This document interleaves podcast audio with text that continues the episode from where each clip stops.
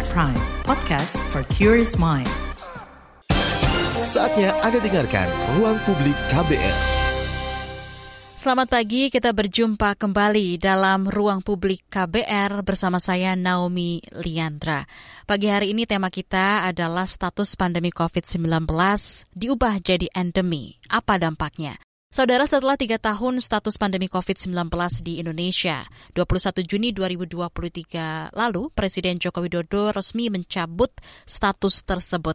Di hari ulang tahun eh, Presiden Jokowi saat itu dalam kanal YouTube Sekretariat Presiden menyatakan bahwa status pandemi ini diubah menjadi endemi.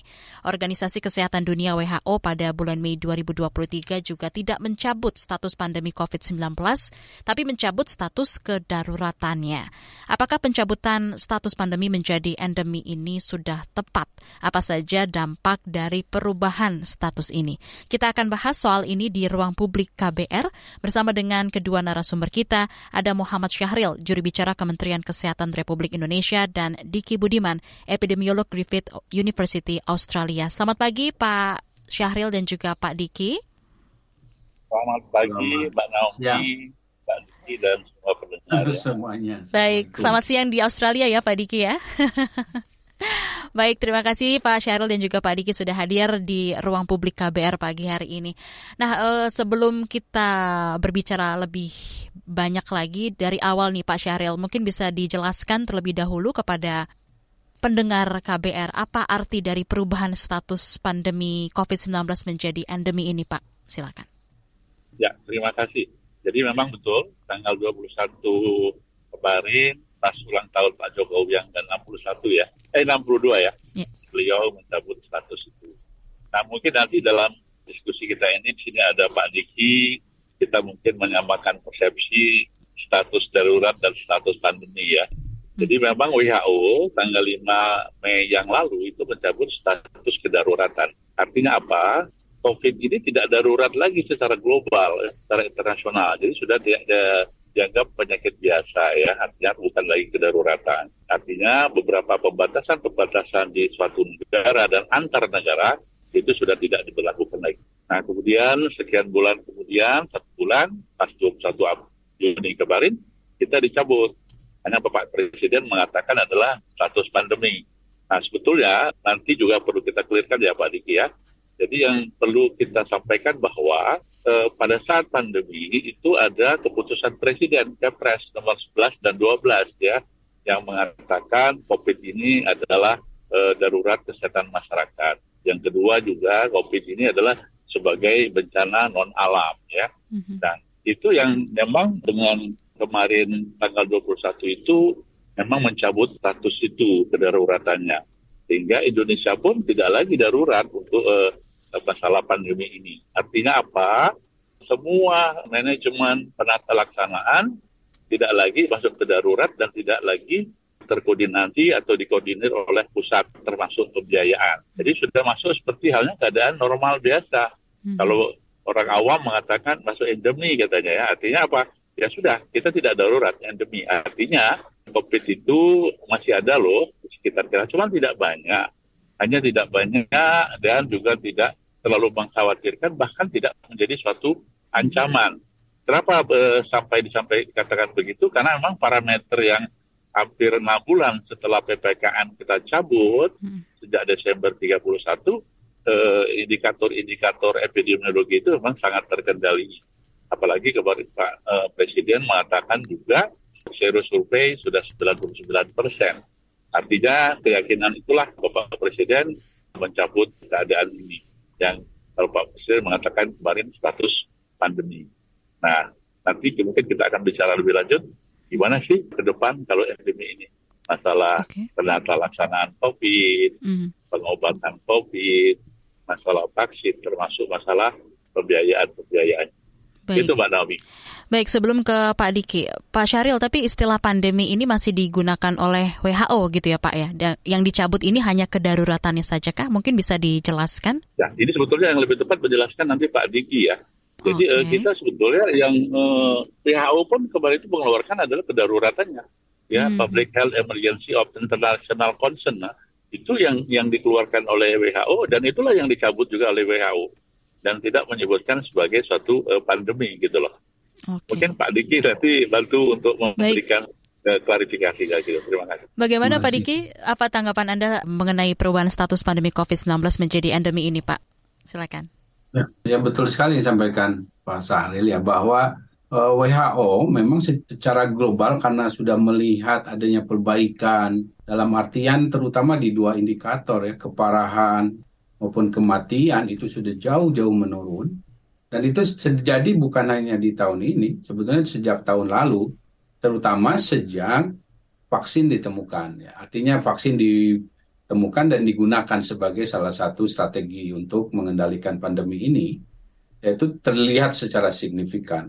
Yang terjadi peningkatan dalam artian masih tinggi kematian masih ada keparahan adalah terutama pada daerah atau negara yang cakupan vaksinasinya buruk gitu. itu yang terjadi namun eh, dalam konteks awal dari apa eh, tahun ini 2023 ini eh, karena kebetulan saya dan Dr. Nyoman Kandun ini Nyoman Kandun ini juga epidemiolog senior mantan dirjen P2PL dulu kami berdua ini eh, sering hadir secara rutin sejak pandemi ini per tiga bulan memberikan masukan pada sidang komite risiko untuk International Health Regulation berkaitan dengan status public health emergency international concern dari COVID. Oke. Nah, masukannya antara lain ada terkait ya kondisi di ya, Indonesia khususnya dan ASEAN secara umum. Nah, memang di Indonesia memang sudah memenuhi kriteria adanya perbaikan dan dimungkinkan sangat layak untuk dicabut gitu. Bahkan sebetulnya sebelum Lebaran saya sudah memberi kalau sinyal itu eh, apa namanya bahwa pemerintah bisa mencabut itu. Tapi itu berkaitan dengan status kedaruratan di Indonesia, kedaruratannya COVID Mhm. gitu. Karena konteks Indonesia kita alhamdulillah dengan memiliki vaksin dan lain sebagainya. Nah, namun dalam konteks pandemi ini memang berbeda karena kalau pandemi sekali lagi di rujukan internasional yang disebut dengan IHR 2005 sebetulnya tidak ada kalimat pandemi itu enggak kata pandemi saja Mhm. tidak atau belum diatur gitu. Dan itu yang sebetulnya ketika Indonesia jadi apa namanya chair untuk G20 ini juga yang salah satu revisi perbaikan tata kelola global yang harus juga masa ini hal yang sangat penting nggak diatur spesifik kan uh, aneh dan sangat sangat apa namanya tidak tepat gitu kan. Nah itu uh, yang saat ini sedang tapi bagaimanapun aturan saat ini belum secara eksplisit mengatur tentang kewenangan WHO mencabut dan men- menetapkan pun tidak ada gitu. Makanya ketika pada uh, apa namanya Mei insya Allah Ya. uh, sorry April lalu WHO mencabut Public Health Emergency International Concern itu diikuti dengan kalimat atau kata dari Pak Dirjennya ya Dirjen WHO Tedros mengatakan bahwa ini tidak berarti pandemi berakhir gitu. Baik, Ini untuk mengingatkan bahwa ini dua hal yang berbeda. baik. Berbeda. Baik Pak Diki. Lalu Pak Syaril, eh, jadi kalau dari sisi tata laksana nih Pak setelah status endemi ini seperti apa Pak? Misalnya soal faskes gitu ya, fasilitas eh, layanan kesehatan dan juga tenaga kesehatan, seperti apa nih Pak Syaril? Ya, terima kasih. Jadi eh, salah satu syarat rekomendasi kita ke Bapak Presiden mau dicabutnya eh, status darurat itu atau pandemi tadi itu adalah kesiapan eh, di suatu eh, eh, sistem ya, ya infrastruktur termasuk SDM. Artinya apa? Apabila terjadi kan tadi kan disebutkan COVID ini masih ada. Apabila terjadi satu kenaikan kasus kembali atau bahkan lonjakan kasus lah, maka Indonesia sudah siap. Jadi dari infrastrukturnya yang dari hulu sampai ke hilir, survei dan puskesmas, rumah sakit, laboratorium, itu kita sudah siap saat ini. Karena sudah pengalaman tiga tahun ya Pak Diki ya. Allah ini sudah menjadi menjadi bagian dari eh, kebiasaan dan kesiapan kita. Yang kedua SDM. Jadi eh, kalau melihat pengalaman yang lalu, jangankan jangankan hanya naik sedikit atau terjadi lonjakan kasus sedikit. kasus darurat sekalipun kemarin kita SDM juga siap walaupun ya masih ada satu keterbatasan. Tapi secara umum kan siap kita dokter, para medis yang lain, dan tenaga kesehatan yang lain. Itu satu Pak ya. Nah, kemudian yang berubah apa? Sudah disampaikan oleh Bapak Presiden bahwa begitu dicabut status ini, maka semua sistem pembiayaan yang berkaitan dengan dan apa namanya screening, yang kedua berkaitan dengan pengobatan dan perawatan pasien itu dikembalikan kepada mekanisme yang normal selama ini berjalan. Artinya ada yang bisa dibiayai oleh BPJS. Kalau orang tidak mampu masuk TBI gitu ya dibantu mm -hmm. oleh pemerintah, tapi itu dalam satu uh, apa namanya mekanisme BPJS juga. Ada yang harus dibayari oleh asuransi kalau dia masuk asuransi uh, swasta dan terakhir ya memang bisa berbayar bagi orang-orang yang memang tidak masuk uh, peserta BPJS maupun asuransi.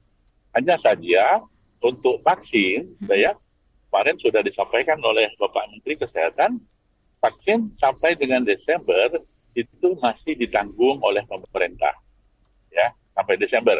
Nah nanti untuk yang selanjutnya kita menunggu juga pengumuman dari pemerintah apakah eh, akan dikembalikan kepada seperti halnya pengobatan tadi, artinya vaksinasi pun menjadi eh, program rutin dan bisa berbayar kepada orang yang membutuhkan vaksin. Seperti halnya vaksin influenza, vaksin hmm. meningitis, itu kan semua berbayar kan uh, bagi mereka. Oke, okay. untuk sementara ini vaksin COVID uh, tetap uh, ditanggung oleh pemerintah sampai dengan Desember 2023 ya. Oh, jadi masih ada beberapa bulan lagi masih gratis gitu ya Pak ya istilahnya? Ya, ya, ya. Jadi Pak Syahril untuk pasien yang menggunakan BPJS kalau kena COVID tetap bisa ya Pak ya sampai Desember begitu? Oh bukan, kalau kalau pembiayaan tadi sudah mulai sekarang hmm. sampai seterusnya masuk sudah kecuali vaksin ya. Kecuali vaksinnya uh, saja. Oh, Oke. Okay. Jadi Desember itu terakhir vaksin masih uh, free ya Pak ya dari pemerintah. Oke. Okay. Okay. Baik. Lalu uh, selain itu ya uh, mau tanya juga sama Pak Diki, perubahan status pandemi jadi endemi ini Pak, apa artinya COVID-19 ini tidak lagi membahayakan dan juga mematikan Pak? Ya sekali lagi uh, ini yang harus diluruskan ya bahwa kalau bicara status, sekali lagi kita hanya bisa mengatakan bahwa ini sudah tidak darurat. Kemudian bahwa ini endemi pun, sekalipun endemi, yang namanya penyakit yang berstatus endemi itu dinamis. Gitu. Jadi tidak selamanya uh, akan dalam kondisi endemi, tapi dia bisa jadi epidemi bahkan, bisa jadi bahkan uh, memburuk atau pada level lokal ada namanya KLB kejadian luar biasa gitu. Nah ini yang harus dipahami oleh publik ya bahwa bukan berarti ya sudah kita sudah bebas tidak. Karena uh, sebetulnya kenapa banyak negara ingin segera masuk ke dalam konteks yang disebutkan endemi itu itu karena uh, harapannya sebetulnya ada pergeseran peran dari tadinya diambil lah apa diambil oleh uh, pemerintah pusat ataupun daerah kemudian bergeser ke berbagi peran gitu. Yeah. karena tadi Pak Saril juga mengatakan peran pemerintah pusat betul apa bukan berarti benar-benar hilang kan? Ada tuh tetap ada. Hanya ini berbagi peran. Sebagaimana penyakit menular lain gitu. Yang tadi disebutkan ada misalnya kalau bicara katakanlah TBC TBC ada vaksin yang disediakan gratis oleh pemerintah. Mm-hmm. Ada obat bahkan yang juga gratis kan. Dots itu gratis loh. Tapi kalau bicara peran masyarakat, ya, mencegah dan lain sebagainya, atau bahkan untuk pemeriksaannya bisa saja yang diambil. Nah ini hal yang sama untuk COVID. Namun hal yang juga harus difahami oleh publik melalui media ini ya, media KBR ini bahwa hmm. pertama COVID itu walau bagaimanapun, walaupun sudah mau 4 tahun ini, kita masih belum mengetahui secara utuh, terutama dampak jangka panjang dari COVID. Mm-hmm. Sehingga prinsip mencegah daripada mengobati itu harus dipegang. Bahkan jangan sampai membiarkan diri terinfeksi berulang-ulang, itu berbahaya. Itu berbahaya karena data Sementara yang sudah sahih saja menunjukkan bahwa dampak serius dari COVID ini bisa berupa long COVID dan bisa merusak berbagai hmm. organ. Okay. Gitu ya. Baik Pak Diki dan juga Pak Syahril dan Ruang Publik akan segera kembali. Masih Anda dengarkan Ruang Publik KBR. Kembali lagi di ruang publik KBR dengan tema kita yaitu status pandemi COVID-19 diubah jadi endemi apa dampaknya. Bersama dengan kedua narasumber kita ada Pak Diki Budiman dan juga Pak Muhammad Syahril. Baik, tadi kita sudah uh, ngobrol di awal begitu ya, ada juga efek long COVID yang juga bisa membahayakan uh, manusia tentunya. Nah, sekarang kalau kita ke Pak Syahril lagi nih Pak, dalam pernyataan Pak Jokowi yang menyebut kasus pasien COVID-19 ini terus menurun begitu ya dan hampir mencapai nol kasus. Tapi kalau kita cek nih Pak dari situs COVID 19.go.id gitu ya, kasus aktif ini masih ada 9 ribuan kasus Pak. Ini mungkin kan nggak Pak kira-kira kasusnya nanti akan benar-benar nol gitu? Tantangannya seperti apa? Gimana Pak Syahril? Ya, terima kasih. Itu yang 9 ribuan itu total ya, iya. total. Ya. Yang disampaikan oleh Pak Jokowi itu yang harian. Hmm. Ya, hariannya mendekati nihil. Tapi sekali lagi seperti yang disampaikan oleh Pak Diki Budiman, karena ini endemi itu sangat mustahil kalau itu harus nol, zero. Ya, untuk itu makanya disebut dengan endemi. Supaya kita berhati-hati tidak nol loh eh, kasus kita masih ada. Hmm. Nah, masalahnya kenapa kita mengumumkan itu karena satu dari sisi severity atau apa namanya keganasan itu varian baru pun tidak begitu membuat dampak yang besar terhadap satu khususnya masuk rumah sakit hmm. atau bor, bor, eh, bornya bed occupancy rate-nya itu sangat menurun kemudian juga kematiannya mbak jadi yang masih ada-ada ini yaitu yang berkisar saat ini sekitar 110, 120 masih ada tiap hari, tapi ringan. Jadi tidak menyebabkan atau dampak yang berbahaya bagi orang dan juga tidak menimbulkan dampak ekonomi secara keseluruhan. Jadi itu Mbak ya. Eh, nah untuk itu karena masih ada kasusnya, kita tetap diminta untuk hati-hati. Seperti kasus penyakit menular yang lain, kan di sekitar kita banyak tuh. Mm-hmm. Ada tuberkulosis, ada demam berdarah, Pak Niki ya, ada apa influenza yang semuanya kalau orang itu dalam keadaan imunitasnya turun, apalagi dengan COVID, maka itu akan memperberat sakitnya. Nah, untuk itu jangankan COVID, TBC aja eh, tiap hari berapa orang yang meninggal ya Pak Diki ya karena COVID. Demam berdarah juga begitu, Mbak ya, tingkat iya. kematian. Yeah.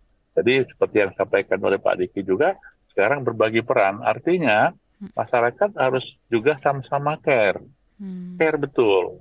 Ini loh, COVID masih ada.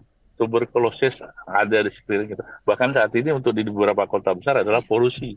Ya kan? Yeah. Begitu bahaya juga tuh polusi. Gitu, Mbak. Baik, terima kasih Pak Syaril. Lalu Pak Diki, awal Juni lalu pemerintah Indonesia mencabut kewajiban penggunaan masker saat perjalanan ke dalam dan juga ke luar negeri gitu Pak, juga di kegiatan publik berskala besar.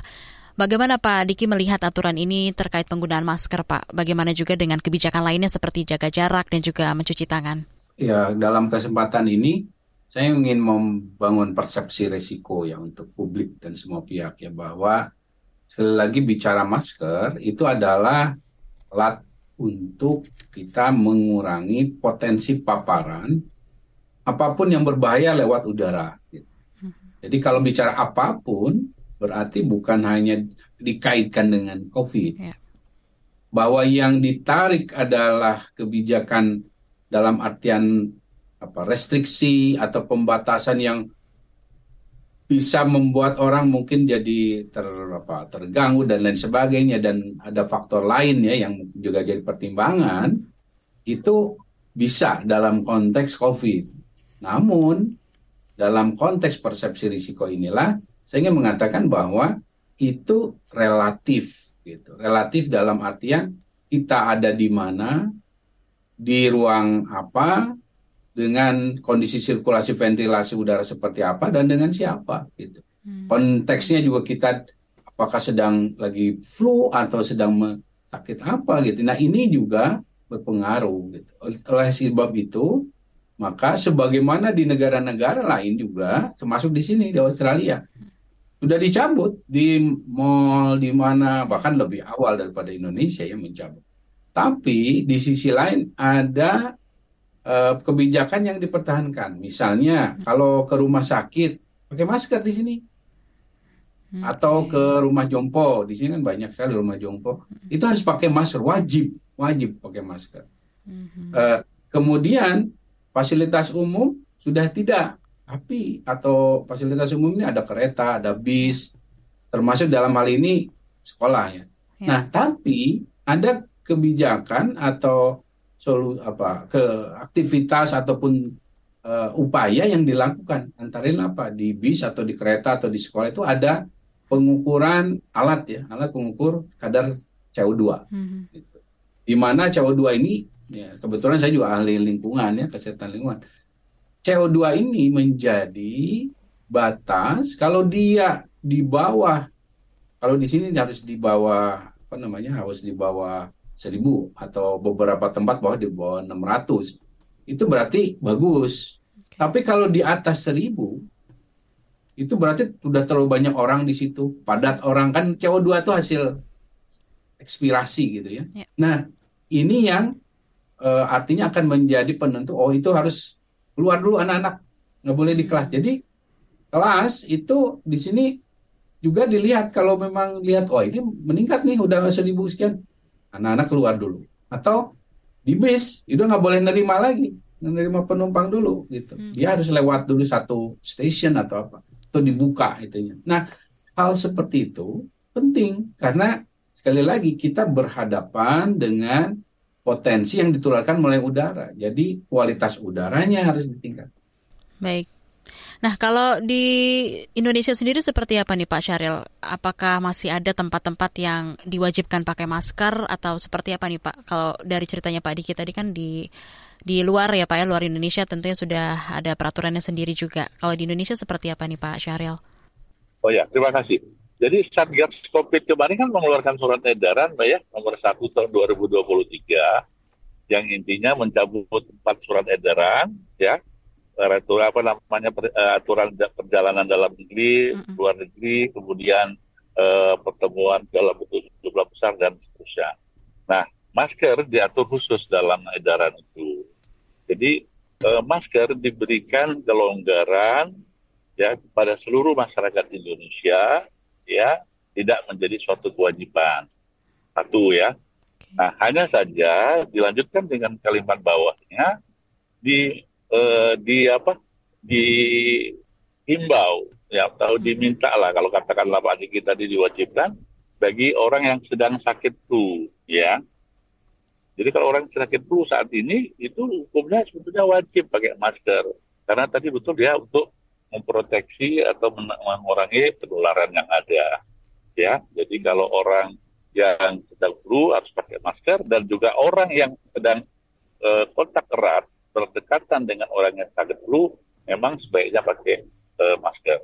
Yang kedua, ke tempat-tempat tadi yang sudah disebutkan Pak Diki jelas, yang hmm. kemungkinan diduga bukan hanya saja COVID, tapi diduga ada cemaran-cemaran di udara, apakah itu virus, bakteri, ya, kemudian jamur atau polusi-polusi udara yang mengandung zat-zat eh, apa namanya berbahaya yang disebut oleh Pak Diki tadi karbon monoksida CO mm-hmm. itu eh, sebaiknya pakai masker. Karena apa? Ya untuk melindungi dia dia sendiri. Termasuk di kerumunan yang kita tidak begitu jelas. Contohnya mungkin di tempat-tempat yang pasar ya, di pasar-pasar tradisional, ya memang baiknya pakai masker karena ya tadi untuk melindungi dia. Tetapi hukumnya di sana tidak wajib ya. Mhm. Artinya ya diingatkan saja bahwa saja Anda masuk dalam suatu lingkungan yang kemungkinan uh, ada penyakit yang bisa menularkan uh, pada masing-masing. Nah, sehingga uh, harusnya masker ini jangan menjadi perdebatan dan juga jangan menjadi permasalahan. Contohnya begini, hmm. kalau dulu kan kalau tidak pakai masker masuk ke mall kan dilarang nih, ya, betul ya? Betul pak. Nah, nah sekarang orang yang pakai masker jangan dilarang masuk mall. paham ya gitu ya iya jadi orang pakai masker biar aja gitu ya karena yeah. ya begitu jadi saat ini masker tidak usah diperdebatkan kamu pakai hmm. masker atau tidak hanya saja ini menjadi suatu bagian dari kebutuhan masing-masing individu. Silakan. Ya. Ya, tadi sudah disebutkan kalau sakit, Ya, kemudian kalau khawatir, maka gitu. Dan itu juga membuat penampilan semakin menarik ya Pak kalau pakai masker ya. Ya betul, sekarang banyak banget itu orang-orang menjadi uh, lifestyle ya, apalagi maskernya macam Masker jenik gitu ya Pak. Oke. Ya, ya, ya, Baik betul, eh, Pak betul. Syahril dan juga Pak Diki nanti kita akan kembali lanjutkan perbincangan kita pagi hari ini untuk tema kita di ruang publik mengenai status pandemi COVID-19 diubah menjadi status endemi. Apa dampaknya akan kita bacakan setelah pesan-pesan berikut ini. Tetaplah di ruang publik KBR. Masih Anda dengarkan Ruang Publik KBR. Status pandemi COVID-19 diubah menjadi endemi. Apa dampaknya? Bersama dengan kedua narasumber kita ada Pak Syahril dan juga Pak Diki. Baik, kita akan baca satu persatu pesan yang sudah masuk ataupun juga komentar yang sudah masuk di channel YouTube Berita KBR ya Pak Diki dan juga Pak Syahril. Yang pertama dari channel YouTube Berita KBR ada Mas Donial. Apakah kartu vaksin masih dibutuhkan untuk ke depannya? Seperti apa nih Pak Syahril? Mohon tanggapannya. Ya, terima kasih. Jadi kita kan sudah ada dulu namanya aplikasi eh, Peduli Lindungi ya, Iya. Pak Diki ya. Sekarang menjadi dalam satu sehat. Jadi itu tetap penting menjadi satu dokumen-dokumen masing-masing orang ya.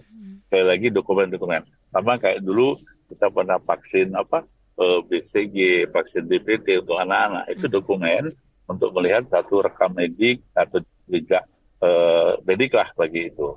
Nah, tetapi ini tidak menjadi persyaratan, Mbak ya, untuk perjalanan atau masuk satu pertemuan lagi. Jadi Ya. dengan dicabutnya status itu eh, tidak masuk persyaratan, tapi tetap masuk dalam dokumen eh, apa namanya eh, satu sehat. Oke, baik Pak Syahril. Lalu berikutnya kita baca WhatsApp dari Tangerang ada Ibu Yatni. Walaupun sudah endemi, saat ini masih ada nggak kelompok rentan di Indonesia yang punya resiko tinggi kena COVID? Gimana nih Pak Diki? Ada di bahkan di semua di semua negara ada ya kan karena begini pertama kalau bicara vaksin satu dia ada yang eh, apa namanya menerima vaksin sudah apa satu tahun lalu atau kurang atau apa lebih bahkan misalnya karena ini udah tahun keempat. Nah vaksin COVID ini selain memiliki manfaat, keuntungan dalam mencegah kematian keparahan, dia juga punya keterbatasan. Gitu. Yaitu apa? Dia menurun ya, setelah satu tahun rata-rata. Nah, artinya bagi orang yang terutama lansia, nah komorbid, udah gitu aktif lagi pergi-pergi, nah itu perlu booster. Nah, kalau tidak, dia akan dalam kon- kondisi bahaya. Selain itu, ada yang belum mendapatkan vaksin. Entah itu orang dewasa dengan berbagai alasan, ada juga anak yang tadinya mungkin di bawah lima tahun baru masuk ke misalnya enam tahun eligible. Nah ini yang artinya sebelum mereka mendapatkan vaksinasi penuh yang primernya itu ya dia dalam kondisi berbahaya gitu. Karena sekali lagi tetap kalau bicara di epidemiologi ya namanya ada case fatality rate-nya artinya angka kematian itu memang kisaran secara global ngambil rata-rata tuh satu persenan. Memang sepertinya tidak besar satu persen, tapi ingat penduduk kita ini besar satu persen dari 100 juta itu satu juta Mhm. kan betul ya? Ya. Jadi besar gitu. Jadi bahkan kalaupun diturunkan 0,5 persen ya 500, 500 ribu ribu tetap banyak. besar. Ya. Apalagi ini hampir 300 juta. Ini saya ingin membawa pemikiran besarnya. Walaupun itu tidak mesti terjadi seperti itu dengan upaya yang ada macam-macam ya, termasuk upaya sendiri. Nah makanya kesadaran inilah, ini yang disebut strategi komunikasi risiko. Jadi orang jadi tahu, oh kalau gitu jangan sampai saya keluarga saya jadi korban. Nah makanya kenapa masker tetap penting, kenapa vaksin tetap penting, kenapa eh, apa namanya perilaku hidup bersih sehat? Eh, atau mengutamakan aktivitas. Ah, sekarang kan udah ini aktivitas dalam ruangan. Kalau bisa ya, sebetulnya aktivitas luar ruangan tetap lebih direkomendasikan. Atau Ketika di dalam ruangan, upaya meningkatkan kualitas udara ruangan dengan air purifier ya, Hmm. ada fil- filter itu ataupun apa pun ya ventilasi sirkulasi itu menjadi penting. Oke, baik Pak Diki. Lalu berikutnya dari Depok ada Ibu Dina. Saya dapat cerita dari kawan saya yang datang ke IGD rumah sakit karena sesak nafas di tes COVID dan ternyata positif. Tapi rumah sakit meminta untuk cari rumah sakit rujukan COVID karena tempat dia berobat tidak lagi menyediakan ruang isolasi untuk COVID. Apakah sekarang sudah nggak bisa berobat untuk COVID ke semua rumah sakit, Pak? Mohon ditanggapi nih Pak Syahril, seperti apa nih Pak? Ya, terima kasih.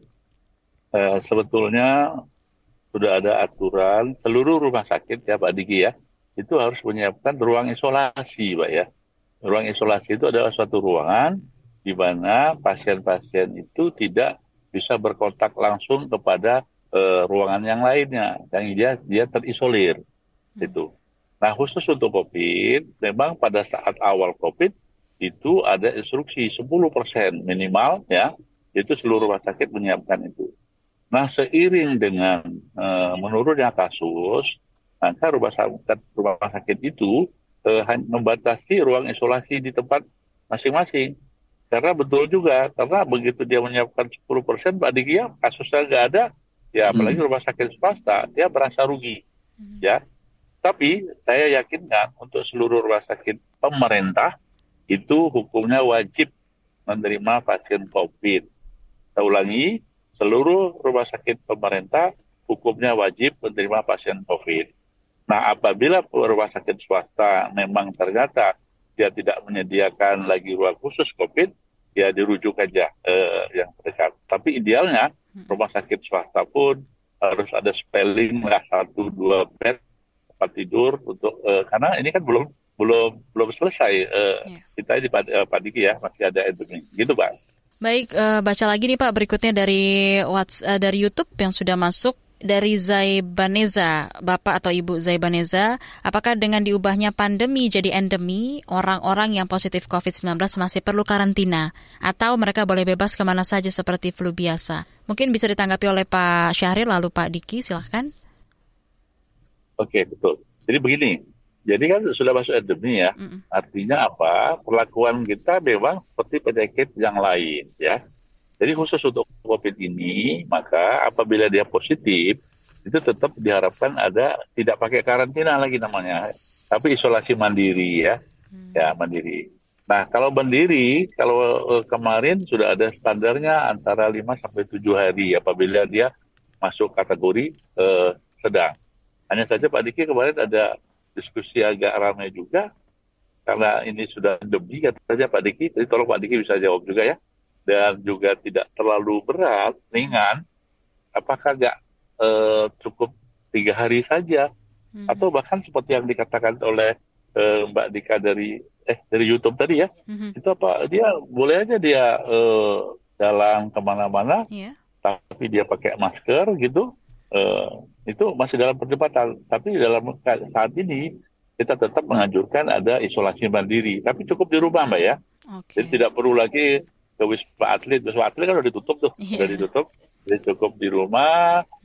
Tujuannya adalah satu untuk dia sendiri supaya dia tetap sehat, menjaga aktivitas tubuh, dan kedua juga untuk menghindari penularan kepada orang lain. Gitu.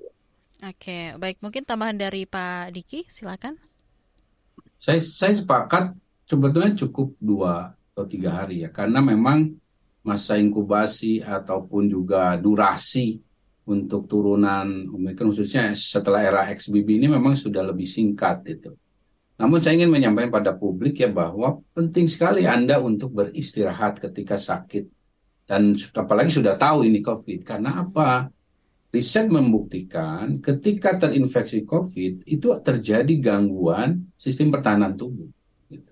Potensi ya, kemungkinan terjadi seperti itu yang membuat tubuh kita lebih rentan, lebih rawan terhadap infeksi bukan hanya oleh COVID itu sendiri tapi mungkin bakteri ataupun seperti sekarang di negara-negara maju eh, makanya Amerika sekarang memperlakukan yang tadi sampaikan Pak Saril isolasi atau mandiri secara dilakukan secara mandiri. Karena kasus infeksi seperti di Australia infeksi jadi double.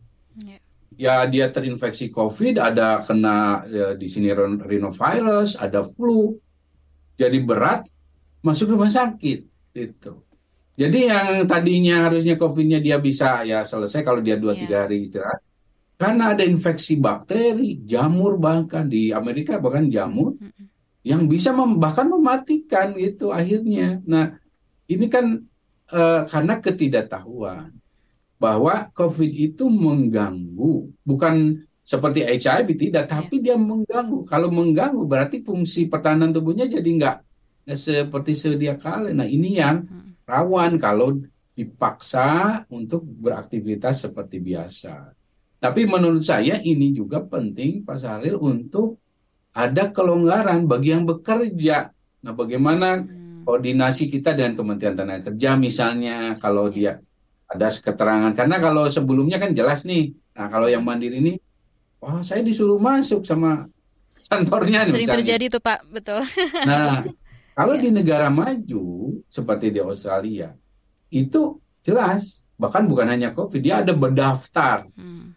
penyakit yang dia bahkan harus di rumah kerjanya di rumah gitu WFH gitu yeah. bukan dia benar-benar nggak kerja tapi dia boleh kerja di rumah nah ini yang saya kira adalah satu apa ya terobosan yang perlu juga dibuat oleh pemerintah. Oke, baik Pak Diki. Lalu uh, bisa dibilang dapat surat dokter juga bisa dong Pak ya berarti seperti itu Pak Syaril. tapi ya, Pak, tapi gini, uh, gimana gini? Saya setuju Pak Diki tadi. Jadi ini kan ya satu sisi kita memahami kantor atau perusahaan kan. Jadi kalau dia hanya sakit ringan, mm -mm. ya bolehlah di rumah tapi BPH statusnya dia yeah. dapat tugas.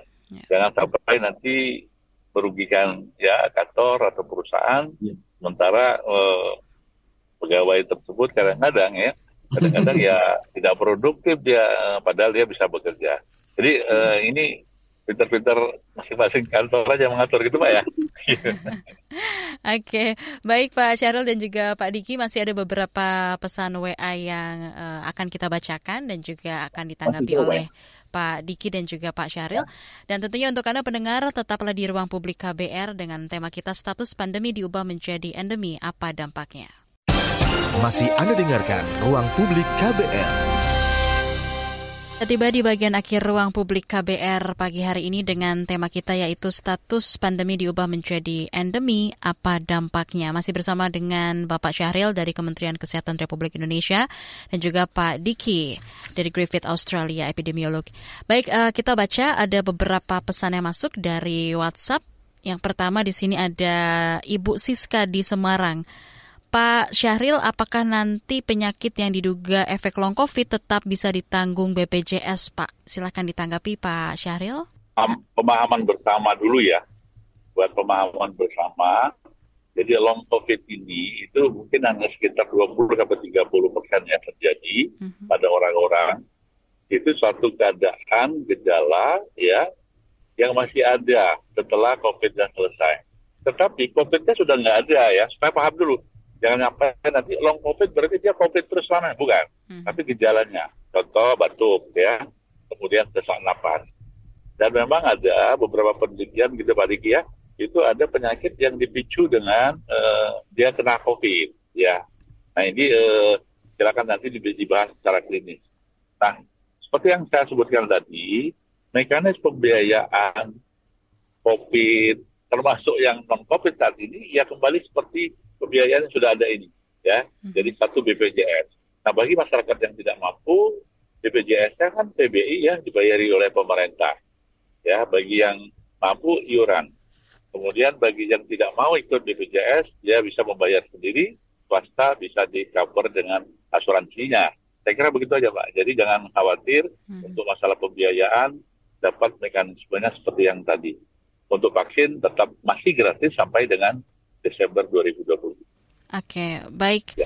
Lalu berikutnya uh, kita baca juga dari Samarinda ada Bapak Surya meski sudah ada aturan boleh lepas masker di transportasi umum misalnya tapi saya masih lihat kebiasaan masyarakat untuk pakai masker. Apakah ini berarti masyarakat Indonesia sudah lebih sadar untuk menjaga kesehatan mereka walaupun COVID-19 sudah menurun? Tadi sudah sempat dibahas ya. Berikutnya di sini ada dari Pak Suryatno di Solo. Cukup lega sebenarnya dengan perubahan status ini. Artinya penyakit COVID seperti penyakit biasa yang tidak lagi darurat karena mayoritas masyarakat sudah punya antibodi. Jadi nggak perlu terlalu waspada lagi. Oke, baik itu tadi pesan-pesan dari uh, pendengar kita, Pak Syahril dan juga Pak Diki. Nah, yang mau saya tanyakan nih Pak untuk pengadaan vaksin gratis yang tadi Pak Diki sempat bilang gitu ya, masih gratis sampai dengan akhir tahun ini di Desember 2023. Saat ini untuk vaksin gratis itu sendiri bisa didapat di mana nih Pak Syahril? Ya, jadi untuk vaksin gratis ini dapat di apa namanya dilakukan atau disediakan di seluruh fasilitas pelayanan kesehatan pemerintah ya baik di puskesmas maupun di rumah sakit. Jadi silakan eh, masyarakat di mana pun berada. Nah hanya saja tentu saja di sini perlu koordinasi dinas kesehatan untuk memberikan suatu eh, distribusi logistik vaksinnya ya. Artinya kadang-kadang vaksin ini harus tersedia sesuai dengan kebutuhan. Jangan juga vaksin ini menumpuk ya numpuk gitu karena tidak ada yang mau divaksin. Jadi ini harus hati-hati juga. Dan satu lagi, vaksin ini juga bukan hanya satu satu satu botol istilahnya, satu file itu untuk satu pasien. Ada yang satu untuk 10 orang, ada untuk 15. Makanya eh, saat ini beberapa tempat itu menjadwal, Mbak ya. ya. Apakah seminggu dua kali, apa seminggu tiga kali. Bukannya berarti tidak melayani hari itu, tapi memang untuk mengumpulkan agar eh, efisiensi dari penggunaan vaksin. Oke, baik. Lalu Pak Diki, eh, status-status COVID-19 di negara-negara lain seperti apa nih Pak? Dan bagaimana ini pengaruhnya dengan kasus endemi di Indonesia? Ya, saat ini secara global memang terjadi perbaikan, tapi itulah sebabnya kenapa kita nggak bisa ikut menentukan status pandemi karena, baik contoh kalau di Asia mhm. atau ASEAN saja, sekarang Thailand, ya. Filipina, ini sedang meningkat. Ya, kasusnya ya, kasusnya.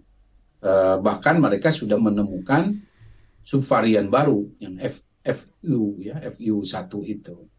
Uh, kemudian di agak jauh sedikit Jepang itu lebih buruk lagi bahkan saat pampir di level prefektur ya seperti kecamatan itu uh, kalau kita puskesmas puskesmasnya penuh di Jepang. Dalam konteks kasus COVID. Mayoritas itu didominasi reinfeksi. Ya akibat apa namanya kehadiran subvarian khususnya keluarga sub keluarga XBB yang lebih mudah menginfeksi walaupun sudah di booster. Di sisi lain di Afrika lebih buruk lagi. Hmm. Seperti contoh di Kenya, Kenya itu mengalami apa yang kita alami waktu gelombang delta. Okay. Jadi oksigen kurang, obat kurang, meninggal banyak. Itu juga karena Afrika adalah satu-satunya benua di dunia saat ini yang cakupan vaksinasinya buruk, terbatas. Bahkan kalau di kita katakanlah tadi disampaikan anti apa eh, cakupan vaksinasinya lah kita sudah katakanlah yang primer saja udah di atas 90% misalnya. Mm -hmm. Kalau di Afrika dari serat, artinya dari 190-an lah sudah divaksin. Di Afrika itu dari 100 itu masih 10 atau di bawah 10. Ada yang bahkan baru satu atau dua dari 100. Itu sangat memprihatinkan. Itu yang membuat eh, kenapa dunia ini masih rentan karena kita harus melihat ini sebagai ancaman karena kalau virus ini dibiarkan menginfeksi manusia dengan leluasa Afrika itu walaupun jumlah pendidik, penduduknya nggak sebanyak apa Asia, tapi kalau ini dibiarkan seperti halnya kita tahu beta, ya, yeah. masih ingat mungkin varian beta itu lahirnya dari Afrika Selatan misalnya. Hmm. Ya, nah ini yang akhirnya berpotensi melahirkan subvarian atau bahkan varian yang merugikan. Itu yang akan berdampak ke Indonesia gitu. Karena kan seperti halnya COVID ini juga kan asalnya bukan dari Indonesia. Nah, ya. tapi sekarang kan orang pergi ke mana-mana itu cepat sekali ya, dengan pesawat ini. Nah, ini yang akan berdampak. Apalagi kita sudah semakin terbuka. Nah, oleh karena itu, hanya ini menjadi sangat penting kita terus menjaga ya cakupan vaksinasinya, kemudian juga perilaku hidup bersih sehat. Baik, Terakhir nih Pak Diki dan juga Pak Syahril, bagaimana masyarakat perlu menjaga kesehatan diri dan tentunya kesehatan lingkungan nih Pak untuk mencegah penularan atau mengurangi tingkat keparahan COVID-19 supaya dampaknya tidak mematikan. Mungkin bisa dari Pak Syahril dulu, lalu dilanjutkan oleh Pak Diki. Silakan. Ya, kesehatan menjadi sangat penting dalam kehidupan. Ya, kehidupan ini tidaklah artinya apa-apa kalau tanpa kesehatan jadi hukumnya kita Pak Diki ya wajib tuh menjaga kesehatan masing-masing dan juga menjaga lingkungan. Artinya apa? Menjaga kesehatan masing-masing itu sebetulnya kalau kita mempunyai eh, kan sudah ada eh, program perilaku hidup bersih dan sehat itu ya. Itu bagaimana kita hidup bersih, sehat, ya makan, minum, lingkungan ya, kemudian tidak merokok dan sebagainya. Ini bagian dari daya yang harus kita lakukan secara rutin. Yang kedua, dengan protokol kesehatan.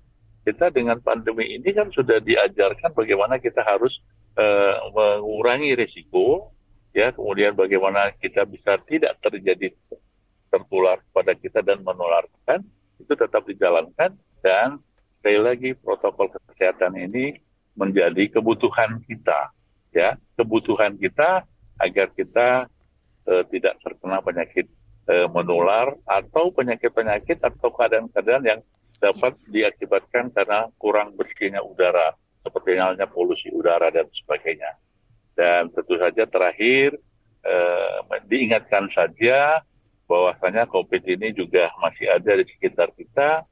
E, kita boleh tidak usah panik lagi, tidak usah cemas lagi, hanya tetap ada kewaspadaan karena kita tidak ingin terjadi Baik. seperti disebutkan oleh Pak kita didikainya dan sebagainya.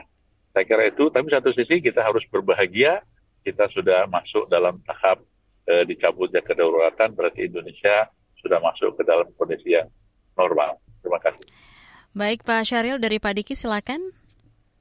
Ya, setiap kita ini punya peran penting ya, dan di pandemi itu kita lihat bagaimana kita setiap kita bisa memainkan peran menjaga kesehatan, menjaga situasi supaya uh, wabah bisa berlalu gitu dan itu ada peran semua. Nah, selain itu yang jauh juga lebih penting adalah bahwa ternyata perilaku kita itu bisa berkontribusi pada perburukan satu situasi penyakit atau wabah. Makanya apa pun tindakan kita pasca situasi pandemi yang sudah berlalu akutnya ini, emergensinya ini, itu akan sangat harus terus dijaga, diperhatikan. Apa itu situasi apa perilaku kita pada diri kita atau pada lingkungan pada hewan ini sebentar lagi Idul Adha nih. Nah, Baik. kalau bicara misalnya jangan berpikir ah pokoknya saya asal uh, potong Baik. kambing atau asal saya datang apa namanya melakukan ibadah walaupun lagi sakit saya mau datang aja ke masjid. Ya, tidak memakai masker itu sudah harus ditinggalkan perilaku seperti itu karena ini yang akan membuat kita melihat dampak kesehatan ini kepada semua sektor dan yang rugi kita sendiri.